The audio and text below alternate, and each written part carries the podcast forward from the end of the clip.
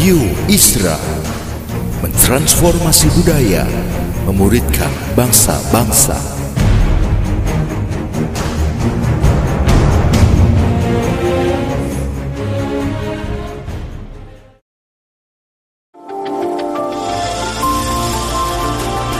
Voice of Predaim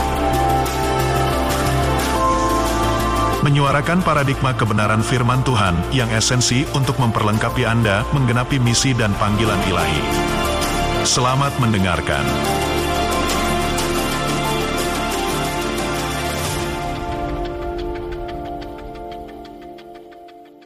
ingin membagikan sebuah pelajaran yang saya beri judul memadamkan roh ya. Nah, mengapa pelajaran ini jadi penting? Karena ternyata lewat pelajaran ini saya disingkapkan oleh Tuhan bahwa ternyata ketika saya memahami ini, jadi saya mengetahui mengapa ada banyak sekali orang-orang percaya yang mengalami kekristenan yang sangat biasa dan bahkan tidak berbeda dengan orang-orang dunia.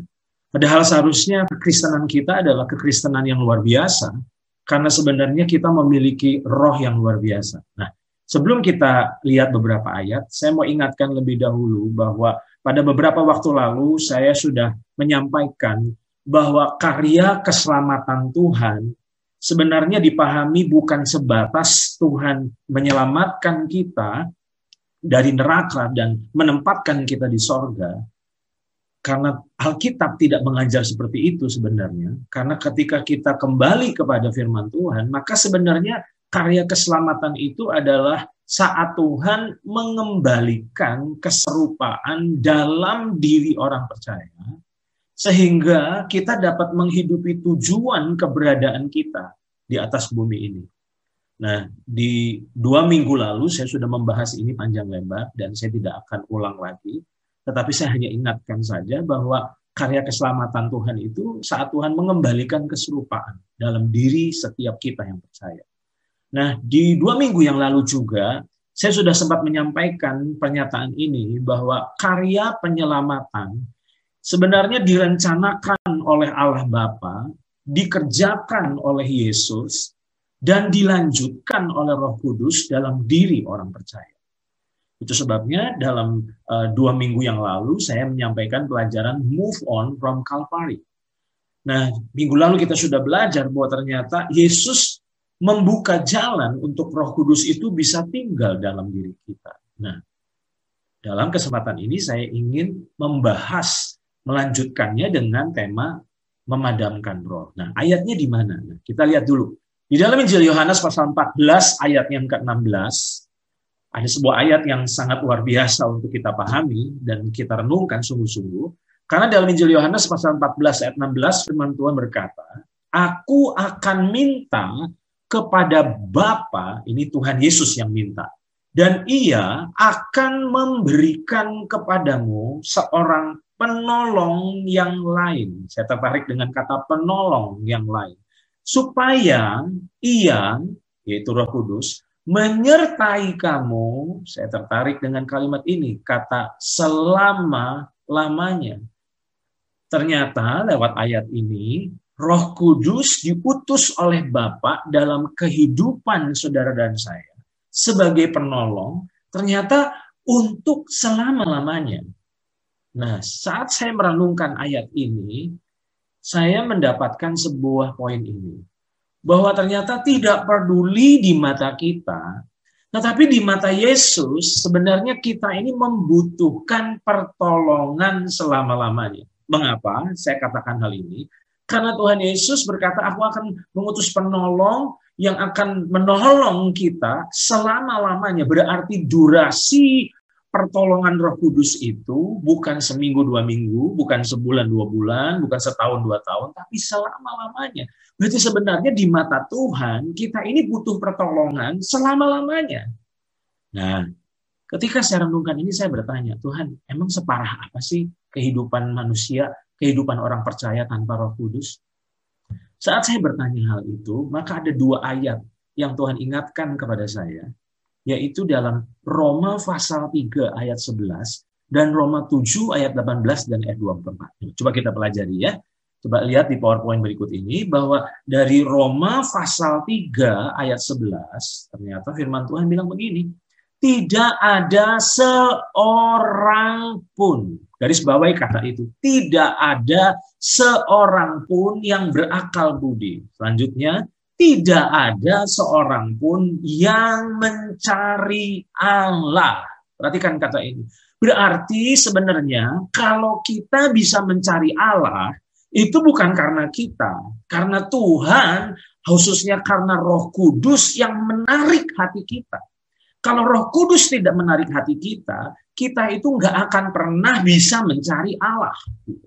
Jadi kita perlu menyadari betapa rapuhnya kita, betapa lemahnya kita sebenarnya tanpa Tuhan. Semakin kita menyadari ini, maka kita nggak bisa menyombongkan diri apa pun. Tidak ada dasar untuk kita menyombongkan diri, karena kalau toh kita punya kerinduan untuk mencari Tuhan, itu sebenarnya karena Tuhan yang menarik kita. Karena roh kudus dalam diri kita yang bekerja. Karena firman Tuhan katakan dalam Roma pasal 3 ayat yang ke-11 berkata, tidak ada seorang pun yang mencari Allah. Oke, jadi jangan GR, jangan sombong, jangan ngerasa bahwa, oh saya punya kerinduan kok untuk mencari Allah, untuk mencari Tuhan. Ingat, firman Tuhan itu kebenaran. Berarti sebenarnya kebenarannya bahwa tanpa Tuhan kita tidak akan pernah bisa mencari Allah. Nah, Roma pasal 7 ayat 18 dan ayat 24, firman Tuhan berkata begini, sebab aku tahu, ini Paulus yang merasakan, bahwa di dalam aku, dia ini sedang curhat tentang kondisinya.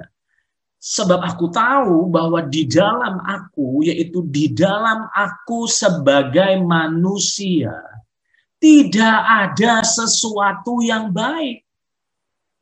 Jadi Paulus menyadari bahwa tidak ada yang baik dalam dirinya. Selanjutnya, sebab kehendak memang ada di dalam aku, tetapi bukan hal berbuat apa yang baik. Jadi ternyata, masih ingat saudara dua minggu lalu kita belajar bahwa roh kudus dalam diri kita itu mengerjakan dua hal. Yang pertama kerinduan, yang kedua kemampuan. Jadi, saudara, dari Roma pasal 7 ini saja, kita disadarkan bahwa ternyata untuk keinginan berbuat baik pun, keinginan untuk benar pun, ternyata itu bukan berasal dari kita, tapi itu berasal dari Roh Kudus yang mengerjakannya di dalam diri kita.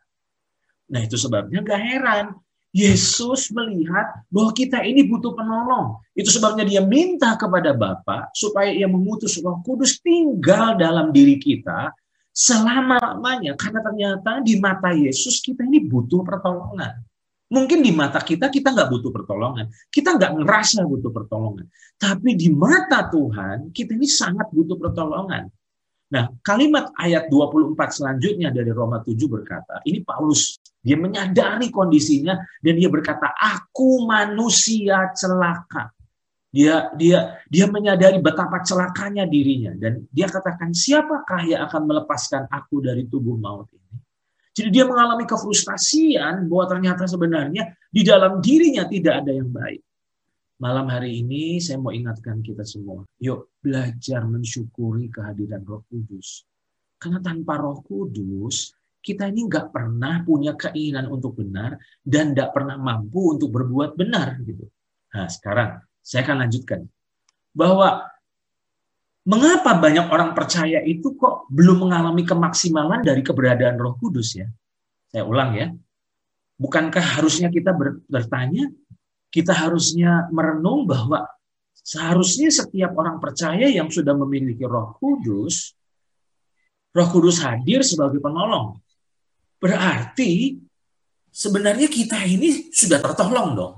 Kehadiran Roh Kudus untuk membawa perbedaan dalam diri kita. Nah, itu yang seharusnya, tetapi pada kenyataannya, mengapa banyak orang percaya kok belum mengalami kemaksimalan dari keberadaan Roh Kudus? Nah, setelah saya merenungkan pertanyaan ini, saya diingatkan ayat ini, saudara. Di dalam 1 Tesalonika pasal 5 ayat 16 sampai ayat 19. Coba yuk kita perhatikan ayat ini. 1 Tesalonika 5 ayat 16 sampai 19. Firman Tuhan bilang begini. Bersukacitalah senantiasa. Ini ayat yang sering kita dengar ya. Bersukacitalah senantiasa. Ayat 17-nya. Tetaplah berdoa. Dan ayat ini juga sering kita dengar yaitu bersuka cita, berdoa. Dan ayat 18 lebih sering kita dengar, yaitu apa? Mengucap syukurlah dalam segala hal. Sebab itulah yang dikehendaki Allah di dalam Kristus Yesus bagi kamu. Jadi, isu bersuka cita, berdoa, mengucap syukur, itu udah sangat familiar di telinga kita. Itu benar-benar kebenaran yang kita tahu dan kita berupaya untuk menghidupinya bersuka cita senantiasa, tetap berdoa, tetap mengucap syukur. Tetapi kita melupakan ayat 19, saudara. Yaitu apa? Di dalam ayat 19 ternyata firman Tuhan bilang begini, janganlah padamkan roh. Menarik menurut saya. Karena ternyata kita hanya berfokus pada ayat 16, kita berfokus pada ayat 17, kita berfokus pada ayat 18, tapi mengapa kita tidak pernah menyuarakan ayat 19? Bahwa ternyata tanpa sadar kita nggak ngerti bahwa firman Tuhan berkata janganlah padamkan roh. Nah ketika kita membaca ayat ini, kata janganlah padamkan roh berarti sebenarnya kalau sampai kita diperingatkan untuk jangan memadamkan roh, berarti sebenarnya saudara dan saya punya kemampuan untuk melakukannya. Kalau kita tidak punya kemampuan untuk melakukannya, mengapa Tuhan melarangnya? Jadi kalau Tuhan melarangnya, berarti sebenarnya kita bisa melakukannya. Nah hari ini, saya ingin mengajak untuk saudara merenung. Tadi pertanyaannya, mengapa banyak orang percaya kok belum mengalami kemaksimalan dari keberadaan roh kudus dalam dirinya? Karena ternyata sebenarnya secara tidak sadar atau secara sadar, tapi saya yakin mayoritas dari banyak orang percaya nggak sadar bahwa sebenarnya kehidupan kita sedang memadamkan roh. Nah, kata memadamkan itu identik dengan api ya saudara. Nah, coba lihat ini. Di saat kita memadamkan roh, bukan berarti roh kudus itu sudah check out dari hidup kita. Saya ulang ya, ini penting.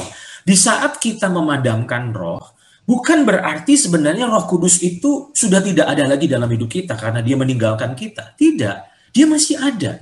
Nah, yang menjadi masalahnya adalah di saat kita memadamkan roh, maka kehadiran dari Roh Kudus itu menjadi pasif dan bukan aktif. Saya ulang, ini penting.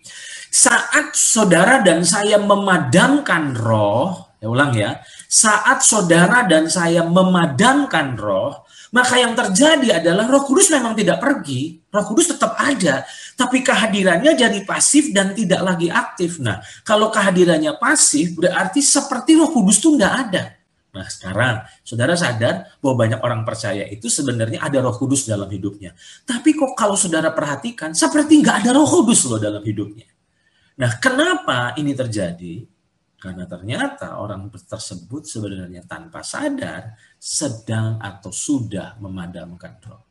Nah, malam ini saya ingin menyampaikan tiga hal saja. Tiga hal yang sebenarnya umum tapi saudara butuh diingatkan. Dan saya berdoa sungguh-sungguh biar kebenaran ini boleh membekali kita mengakhiri tahun 2020 ini dan memasuki tahun 2021. Nah, kenapa ini jadi penting? Kalau saudara tidak memadamkan roh, saya sangat yakin bahwa kekristenan kita di tahun 2021 adalah kekristenan yang bukan biasa-biasa, tapi kekristenan yang sangat luar biasa. Nah, itu sebabnya ingat Tuhan tadi sudah mengingatkan kita, jangan padamkan roh. Nah, kita akan belajar tiga hal di mana tiga hal ini tanpa sadar sebenarnya ketika kita melakukannya, kita sebenarnya sedang memadamkan roh. Nah kalau kita memadamkan roh, berarti kita nggak mengalami kemaksimalan dari kehadiran roh kudus dalam hidup kita.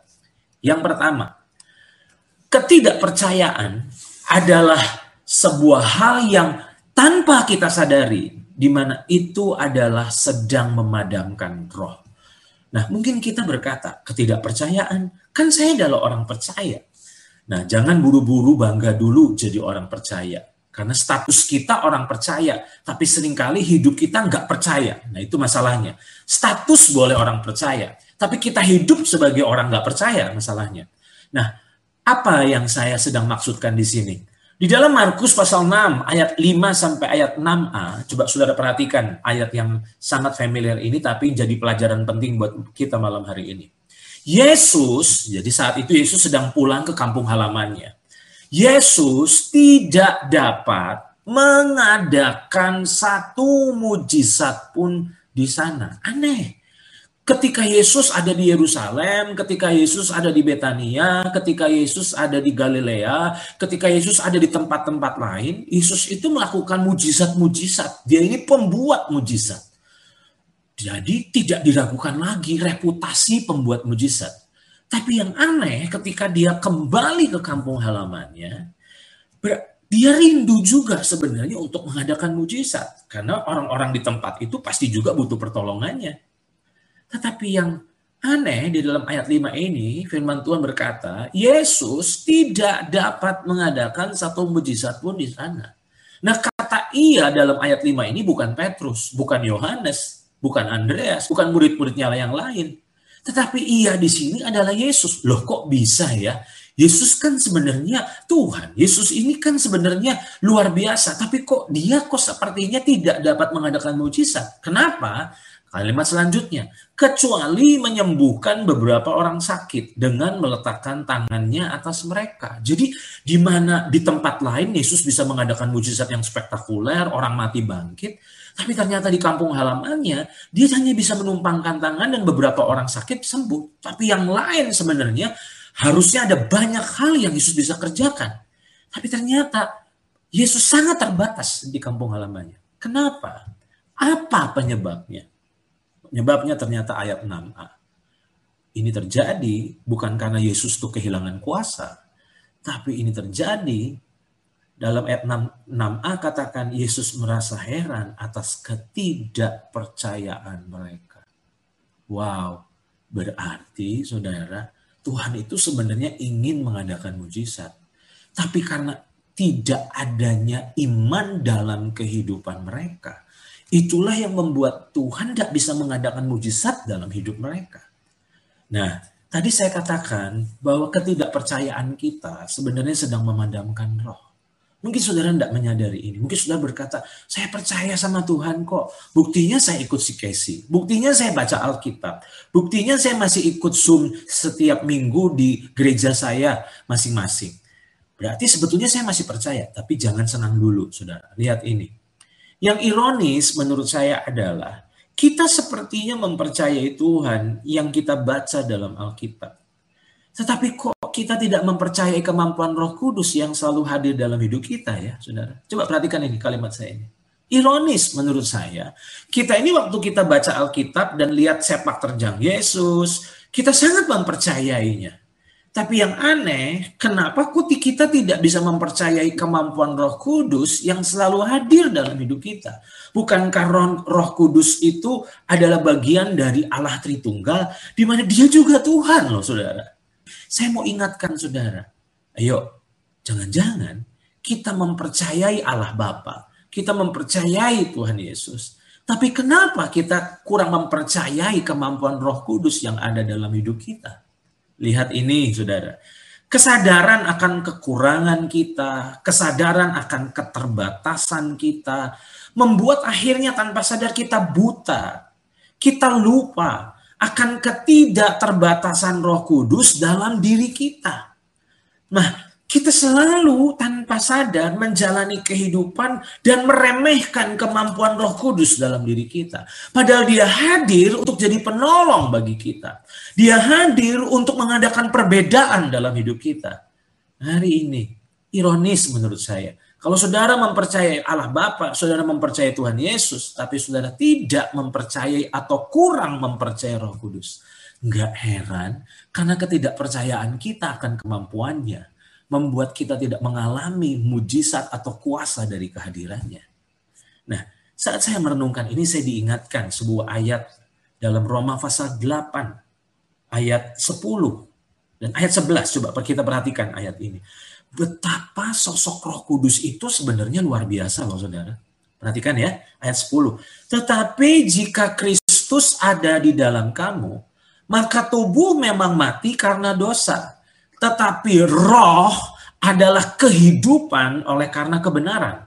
Ayat yang ke-11. Dan jika roh dia, yaitu apa? Roh kudus berarti, yang telah membangkitkan Yesus dari antara orang mati. Jadi yang membangkitkan Yesus itu bukan Yesus sendiri, tetapi roh kudus. Saudara-saudara perhatikan ini. Dan jika roh dia yang telah membangkitkan Yesus dari antara orang mati, diam di dalam kamu, yaitu diam di dalam kita, ingat, maka ia yang telah membangkitkan Kristus Yesus dari antara orang mati akan menghidupkan juga tubuhmu yang fana itu oleh rohnya yang diam di dalam kamu. Jadi kalau roh kuduslah yang membangkitkan Yesus dari kematian, roh yang sama itu juga sedang tinggal dalam hidup kita. Dia powerful, bukan powerless. Dia powerful. Tapi kenapa kok kita nggak pernah atau belum mengalami kepowerfulannya? Karena kita nggak pernah mempercayai kemampuannya. Atau kita kurang mempercayai kemampuannya. Kita meragukan kemampuannya. Sebabnya malam hari ini saya mau ingatkan saudara. Yuk percayai kemampuan sang penolong agung dalam hidup kita. Yaitu roh kudus Mungkin saudara berkata, kok saya nggak bisa lepas-lepas dari dosa yang satu ini ya. Ingat ayat ini berkata bahwa ternyata kuasa kebangkitan Kristus itu sebenarnya ada dalam hidup kita. Kok mungkin saudara berkata, kok saya kok nggak bisa mengatasi kelemahan yang satu ini ya. Saya mau katakan kepada saudara, saudara ini memang nggak bisa. Tapi kan roh kudus bisa saudara. Yuk malam hari ini kita tutup tahun ini dengan mempercayai bukan hanya kehadiran roh kudus, tapi mempercayai kemampuan dari Roh Kudus. Itu yang pertama. Yang kedua, kapan kita memadamkan roh?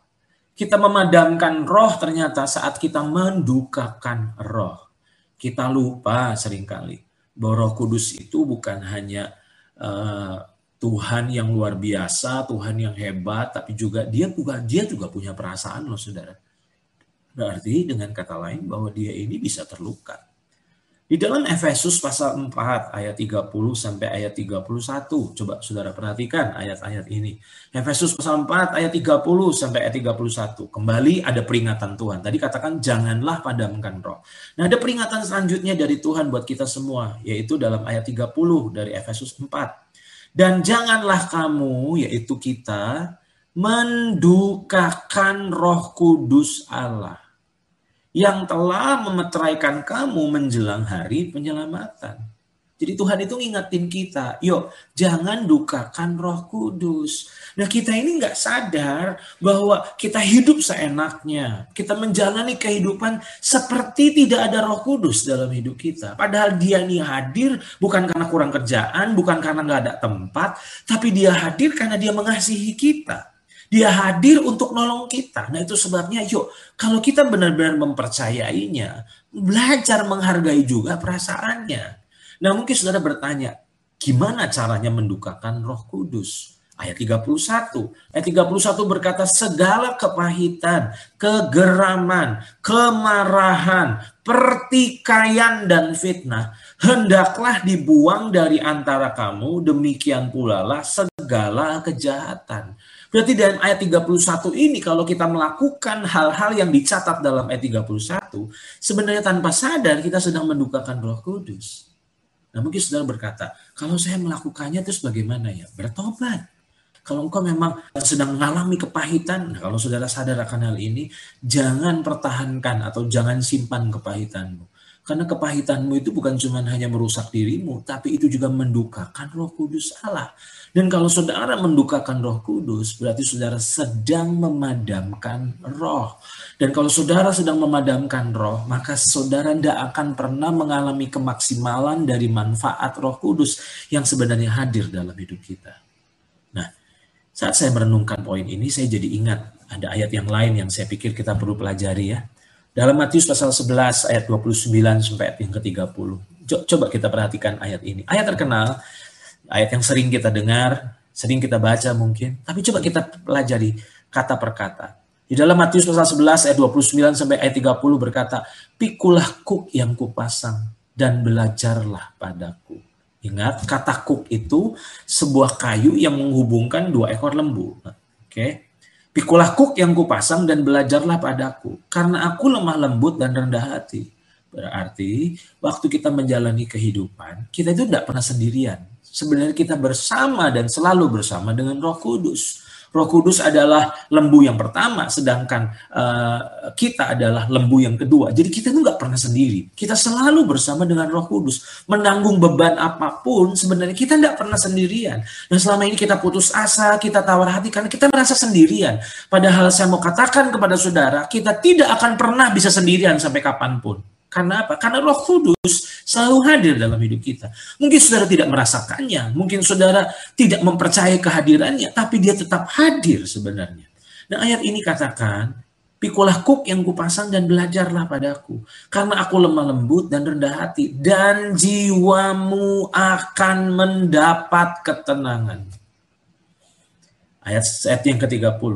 Sebab kuk yang kupasang itu enak dan apa saudara?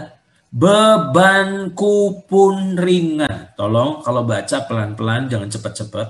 Seringkali kita membacanya seperti beban kukunya ku kita. Padahal ternyata kalau saudara perhatikan baik-baik, kunya itu ku besar.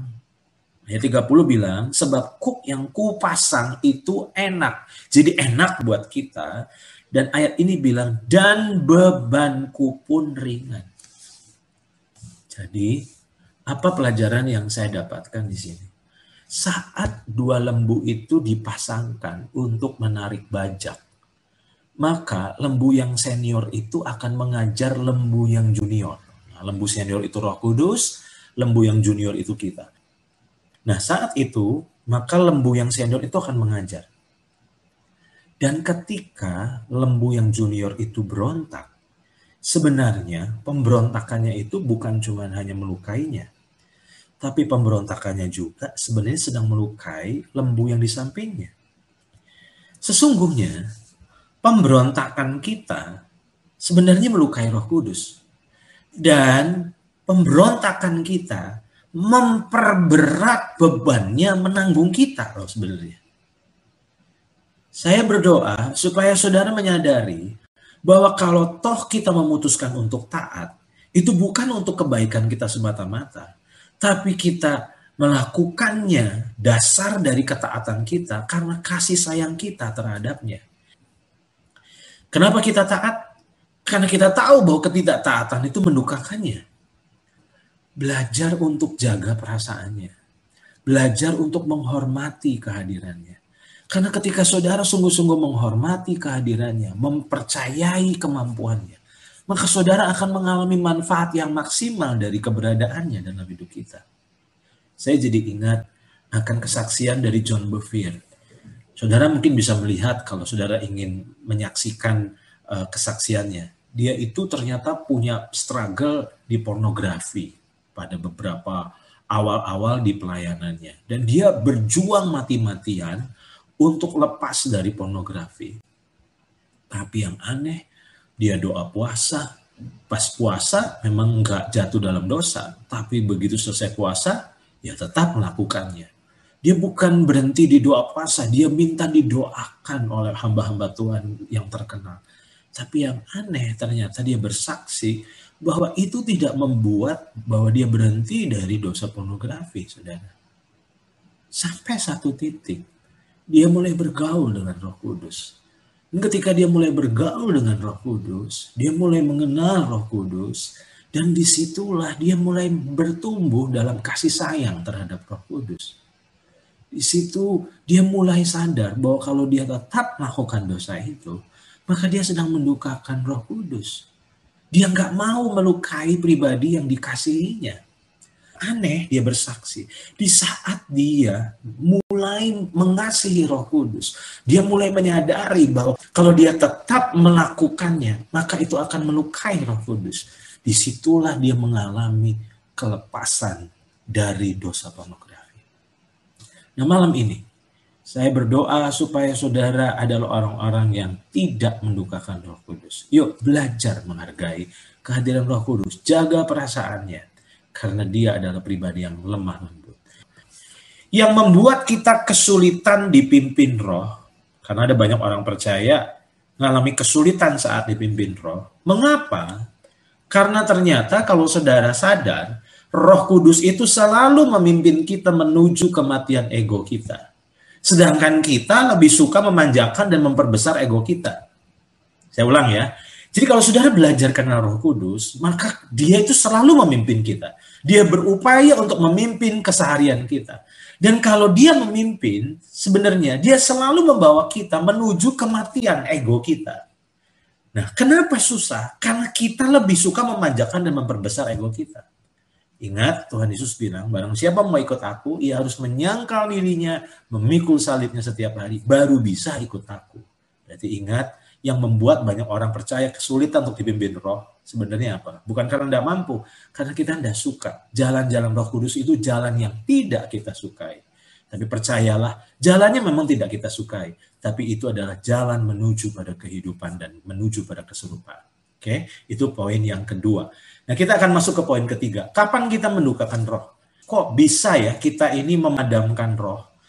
Saat kita nggak sungguh-sungguh kenal roh kudus masalahnya. Nah, sekarang saya akan masuk ke ayat selanjutnya.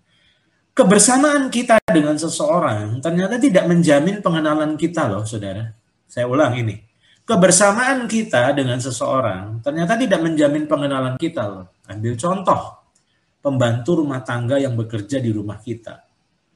Mereka adalah orang-orang yang bekerja di rumah kita dan selalu bersama kita. Tapi pertanyaannya, apakah dengan mereka bekerja di rumah kita, bekerja tiap hari bersama kita, apakah kita benar-benar makin hari makin kenal secara mendalam? Ternyata belum tentu loh saudara. Demikian juga dengan roh kudus. Roh Kudus boleh hadir, boleh, boleh selalu bersama kita setiap waktu, setiap saat. Tapi itu tidak menjamin kita makin mengenalnya loh. Di dalam Injil Yohanes pasal 14 ayat 17, firman Tuhan berkata, yaitu roh kebenaran, dunia tidak dapat menerima dia, sebab dunia tidak melihat dia dan tidak mengenal dia. Tetapi kamu mengenal dia, saya coba cek kata mengenal di sini ternyata bukan tahu karena kata mengenal di sini digunakan bahasa asli ginosko. Nah, ginosko itu ternyata artinya adalah sebuah hubungan intim seperti suami istri. Nah, coba lihat Saudara. Tetapi kamu mengenal dia sebab ia menyertai kamu dan akan diam di dalam kamu. Berarti yang kita butuhkan adalah belajar kenali Roh Kudus sampai benar-benar kita kenal secara mendalam. Karena kalau kita nggak kenal, maka kita bisa memadamkannya, saudara. Kita bisa mendukakannya. Tapi waktu kita mengenalnya, kita menjadi mengenal pribadinya. Nah, lihat PowerPoint berikut ini.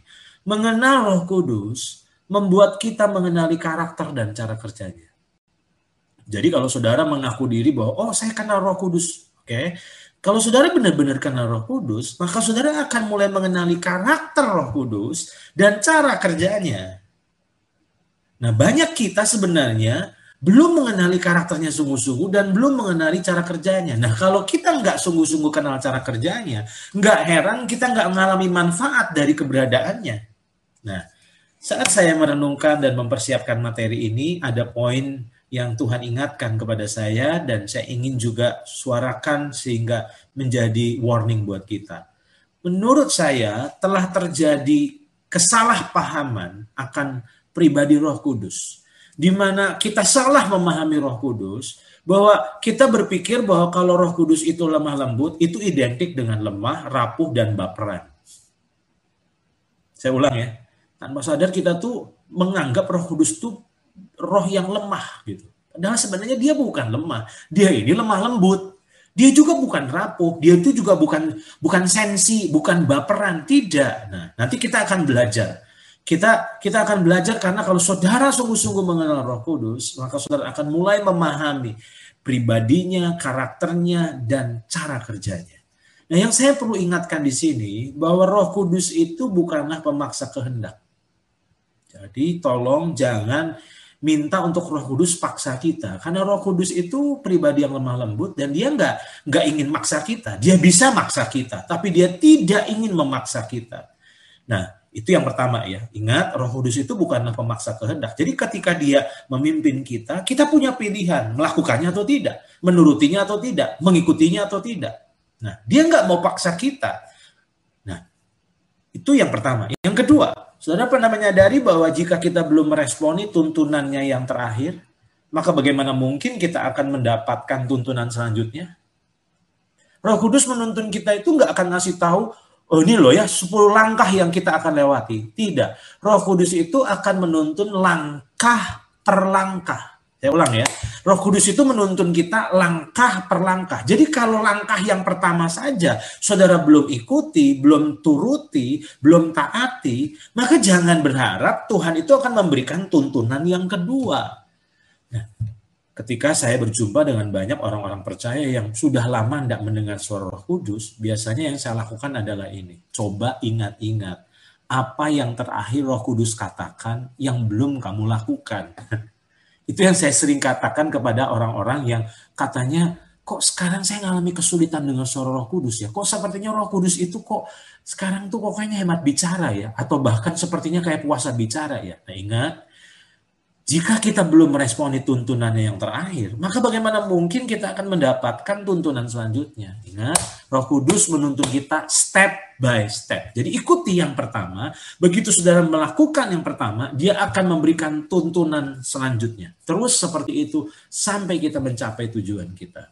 Nah, di dua minggu yang lalu saya sudah membahas ini juga, bahwa berdasarkan Filipi 2 ayat 13 firman Tuhan berkata karena Allah lah yang mengerjakan di dalam kamu ini Roh Kudus baik kemauan maupun pekerjaan menurut kerelaannya. Dua minggu lalu saya sudah membahas ini.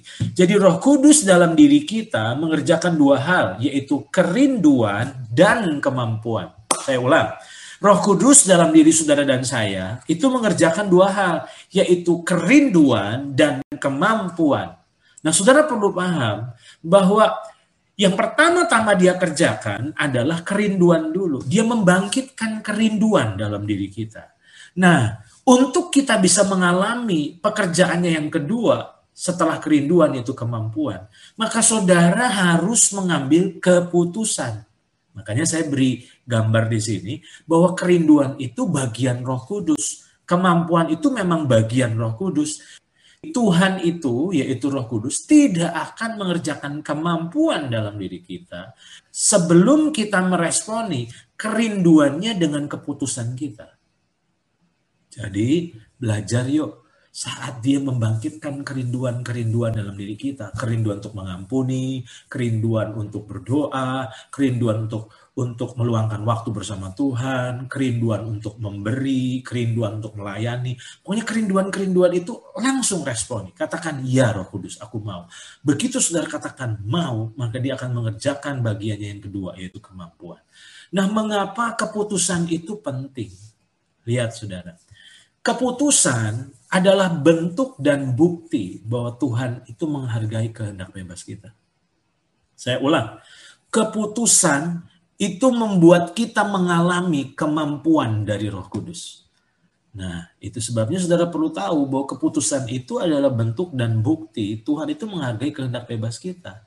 Nah, kenapa dia nggak langsung langsung aja dong setelah dia mengerjakan kerinduan, dia langsung mengerjakan kemampuan dong. Kalau gitu kita robot dong. Karena di, dia menciptakan kita dengan kehendak bebas, maka dia memancing kita dengan kerinduan, dia menantikan keputusan kita untuk meresponi itu, baru dia akan mengerjakan hal yang kedua, yaitu kemampuan. Itu dilakukannya karena dia menghargai kehendak bebas kita. Nah, kapan kita memadamkan roh? Nah, saya akan masuk ke bagian akhir. Galatia pasal 3 ayat 3 Ternyata ada satu kata dalam Galatia pasal 3 ayat 3 yang sangat serius. Seharusnya kita perlu perhatikan. Firman Tuhan katakan, adakah kamu sebodoh itu? Ini teguran Paulus kepada jemaat di Galatia. Kamu telah mulai dengan roh. Rohnya bukan roh kecil, rohnya besar. Berarti ini bicara roh kudus. Kamu telah mulai dengan roh Maukah kamu sekarang mengakhirinya di dalam daging? Jadi Paulus tuh melihat bahwa Roh Kuduslah yang mengerjakan dalam diri jemaat di Galatia. Nah, tetapi Paulus melihat loh, kok jemaat Galatia ini bodoh sekali. Apa yang telah dimulai dengan roh, kenapa diakhiri dengan daging? Nah saat saya satu kali membaca ayat ini saya jadi sadar bahwa ternyata upaya daging yaitu upaya diri kita sebenarnya memadamkan karya roh kudus dalam diri kita. Nanti saya akan jelaskan. Saya ulang ya. Upaya diri kita sebenarnya sedang memadamkan karya roh kudus dalam diri kita. Lihat slide berikut ini. Roh kudus itu sebenarnya tidak pernah mau bersaing dengan kekuatan daging. Saya ulang ya, Roh Kudus itu tidak pernah mau saingan sama daging. Jadi kalau dagingnya yang mau dominan, Roh Kudus itu akan ngalah. Silahkan. Nah ini loh, ngalahnya Roh Kudus itu kalahnya kita. Saya ulang ya, ngalahnya Roh Kudus itu bukan menangnya kita, tapi ngalahnya Roh Kudus itu justru kalahnya kita. Nah, Roh Kudus itu tidak pernah mau bersaing dengan kekuatan daging kita. Kesombongan daginglah yang berpikir bahwa semua perubahan itu terjadi karena aku atau karena saya. Itu sebabnya kita mulai merasa hebat. Kita buta dan lupa. Sebenarnya semua perubahan yang terjadi dalam hidup kita itu bukan karena kita rajin berdoa, bukan karena kita banyak doa, tapi itu karena pekerjaan Roh Kudus dalam diri kita. Tapi kita nih buta, kita nih lupa, kita jadi nggak tahu diri, kita nganggap itu tuh karena saya. Makanya kita jadi sombong, kita mulai ngakimi orang, kita mulai ngeremehin orang, kita mulai ngerendahin orang. Dan di titik itulah sebenarnya daging kita mulai bangkit. Nah ingat, waktu daging mulai bangkit, sebenarnya kita sedang memadamkan roh. Ingat, kalimat penting ini adalah roh kudus itu tidak pernah mau bersaing dengan kekuatan daging. Dari mana saya meyakini hal ini? Masih ingat ayat ini? 2 Korintus pasal 12 ayat 9 sampai 10. Dalam 2 Korintus 12 ayat 9 sampai 10 pengalaman duri dalam daging Paulus ada kalimat yang menarik yang kita bisa pelajari dari ayat 9 dan ayat 10. Tetapi jawab Tuhan kepadaku, cukuplah kasih karuniaku bagimu. Sebab, perhatikan ya, justru dalam kelemahanlah kuasaku menjadi sempurna. Jadi waktu kita lemah, waktu kita berserah, waktu kita ngerasa tahu diri bahwa kita tuh nggak bisa apa-apa, maka di situlah kuasa Tuhan jadi sempurna. Tapi kalau kita masih ngerasa hebat, maka kuasa Tuhan itu nggak akan bekerja. Karena kuasa Tuhan itu bekerja di saat kita mulai berserah. Nah, kalimat selanjutnya. Sebab itu terlebih suka aku bermegah atas kelemahanku, supaya kuasa Kristus turun menaungi aku. Jadi kalau kita menyombongkan diri, kita kuat, kita hebat, justru di situlah kita sedang memadamkan roh. Ayat 10, karena itu aku senang dan rela dalam kelemahan, di dalam siksaan, di dalam kesukaran, di dalam penganiayaan dan kesesakan oleh karena Kristus. Perhatikan kalimat ini. Sebab jika aku lemah, apa saudara perhatikan? Maka aku kuat. Nah, kenapa dia bisa kuat? Karena kuasa Kristus turun menaunginya. Nah, kapan kuasa Kristus turun menaunginya? Ketika, kapan saudara? Dia hidup dalam penyerahan diri. Saat saya membaca ayat-ayat ini, saya jadi ingat tulisan dari Watchman Nee. Bagus sekali, ingin saya ingin membacakannya bagi saudara. Watchman Nee menulis dalam buku yang berjudul Hayat yang Menang. Dia katakan, jika hati Anda masih menganggap diri Anda mampu, terus mengatakan diri Anda mampu, maka Kristus tidak bisa hidup bagi Anda. Kristus hanya bisa hidup bagi orang yang tidak mampu. Perhatikan ya. Seringkali kita mengetahui atau kita sadar bahwa kita ini nggak mampu. Tapi kita masih berusaha untuk mampu. Kita ingin memasukkan tenaga kita sendiri. Kita berpikir jika kita lebih banyak berdoa, kita pasti mampu atau kita jadi mampu. Itu artinya tidak mampu tapi masih berusaha untuk mampu. Nah, perhatikan ya. Jika kita tidak mampu, Watchman katakan, jangan mencoba-coba. Tuhan, aku tidak mampu. Katakanlah kepada Tuhan, Tuhan, aku tidak mampu. Aku tidak berusaha untuk mampu. Aku juga tidak mencobanya. Jika kita berusaha membantu Kristus sedikit dan mencoba menambah sedikit dengan perbuatan manusia, maka anugerah Allah segera pergi. Kekuatan Kristus bukan untuk menambal kekurangan pekerjaan kita. Dia hidup di dalam kita untuk menggantikan kita. Saya berharap tulisan dari Watchman ini menyadarkan kita bahwa banyak orang yang ngerasa nggak mampu, tapi masih berupaya untuk mampu. Padahal sebenarnya gini, waktu kita masih terus berupaya untuk mampu, sebenarnya yang kita sedang lakukan, kita sedang menyombongkan diri kita. Padahal sebenarnya sadari bahwa kita ini sebenarnya nggak mampu. Kalau kita mampu, buat apa Roh Kudus hadir dalam hidup kita untuk jadi penolong? Ingat Galatia pasalnya yang ketiga ayat tiga tadi, bahwa yang memadamkan roh itu adalah daging. Daging itu apa sih? Kekuatan diri, kesombongan diri. Nah, waktu saya merenungkan hal ini, ada satu kalimat yang Roh Kudus ingatkan kepada saya, dan ini penting sekali. Agama membuat kita bekerja untuk Tuhan. Kekristenan sejati membuat kita bekerja bersama Tuhan. Saya ulang, ini penting. Jadi kalau saudara berkata, saya mau berbuat sesuatu buat Tuhan. Saudara salah. Padahal sebenarnya bukan saudara, Roh Kudus yang dalam diri kita yang mengerjakannya. Jadi sebenarnya bukan kita bekerja untuk Tuhan. Karena sebenarnya yang terjadi adalah kita bekerja bersama Tuhan. Nah, satu kali Benihin saat dia masih muda, dia berjumpa dengan seorang hamba Tuhan senior yang saat itu diurapi luar biasa yang bernama David Duplessis.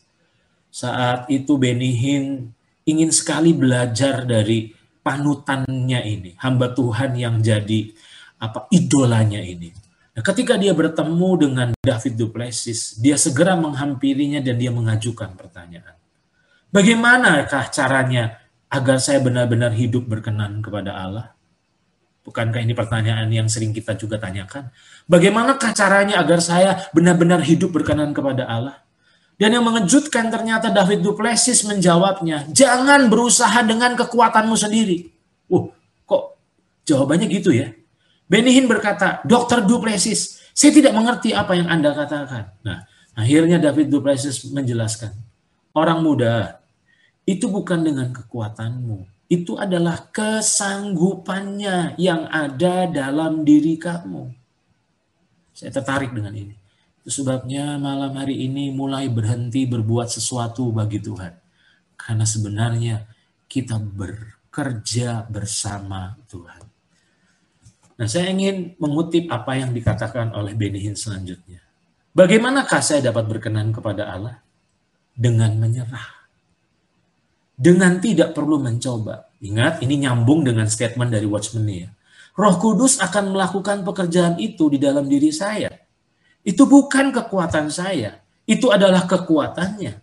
Jika tidak demikian, maka saya dapat membanggakan diri dengan hasil pencapaian saya sendiri. Kesimpulan saya, saat kita mulai mencoba dengan kekuatan kita, sebenarnya kita sedang memadamkan roh. Kesimpulan saya, dua slide lagi saya selesai. Bagian kita sebenarnya apa sih? Mungkin saudara berkata, jadi kalau roh kudus mengerjakan kerinduan dan kemampuan, maka apa bagian saya? Bagian kita adalah membangun kepekaan untuk mengenali kerinduan yang roh kudus kerjakan dalam diri kita. Dan meresponi tuntunan roh kudus itu dalam tindakan ketaatan. Saya ulang ya, jadi bagian kita apa sih? Bagian kita sebenarnya membangun kepekaan untuk kita bisa mengenali kerinduan yang Roh Kudus kerjakan. Dan waktu kerinduan itu Roh Kudus kerjakan, kita putuskan untuk meresponinya, untuk meresponi tuntunannya dalam tindakan ketaatan. Maka di situlah intisari dari kekristenan sejati. Kesimpulan saya adalah Roh Kudus itu ternyata seperti mesin penggerak kekristenan sejati. Saya ulang ya Roh Kudus itu saya ibaratkan seperti penggerak, mesin penggerak dari kekristenan sejati. Artinya, kalau saudara memadamkan Roh Kudus, maka semua mesin penggerak itu berhenti bekerja. Di situlah akhirnya kita nggak mengalami manfaat dari keberadaan Roh Kudus. Radio Isra mentransformasi budaya memuridkan bangsa-bangsa.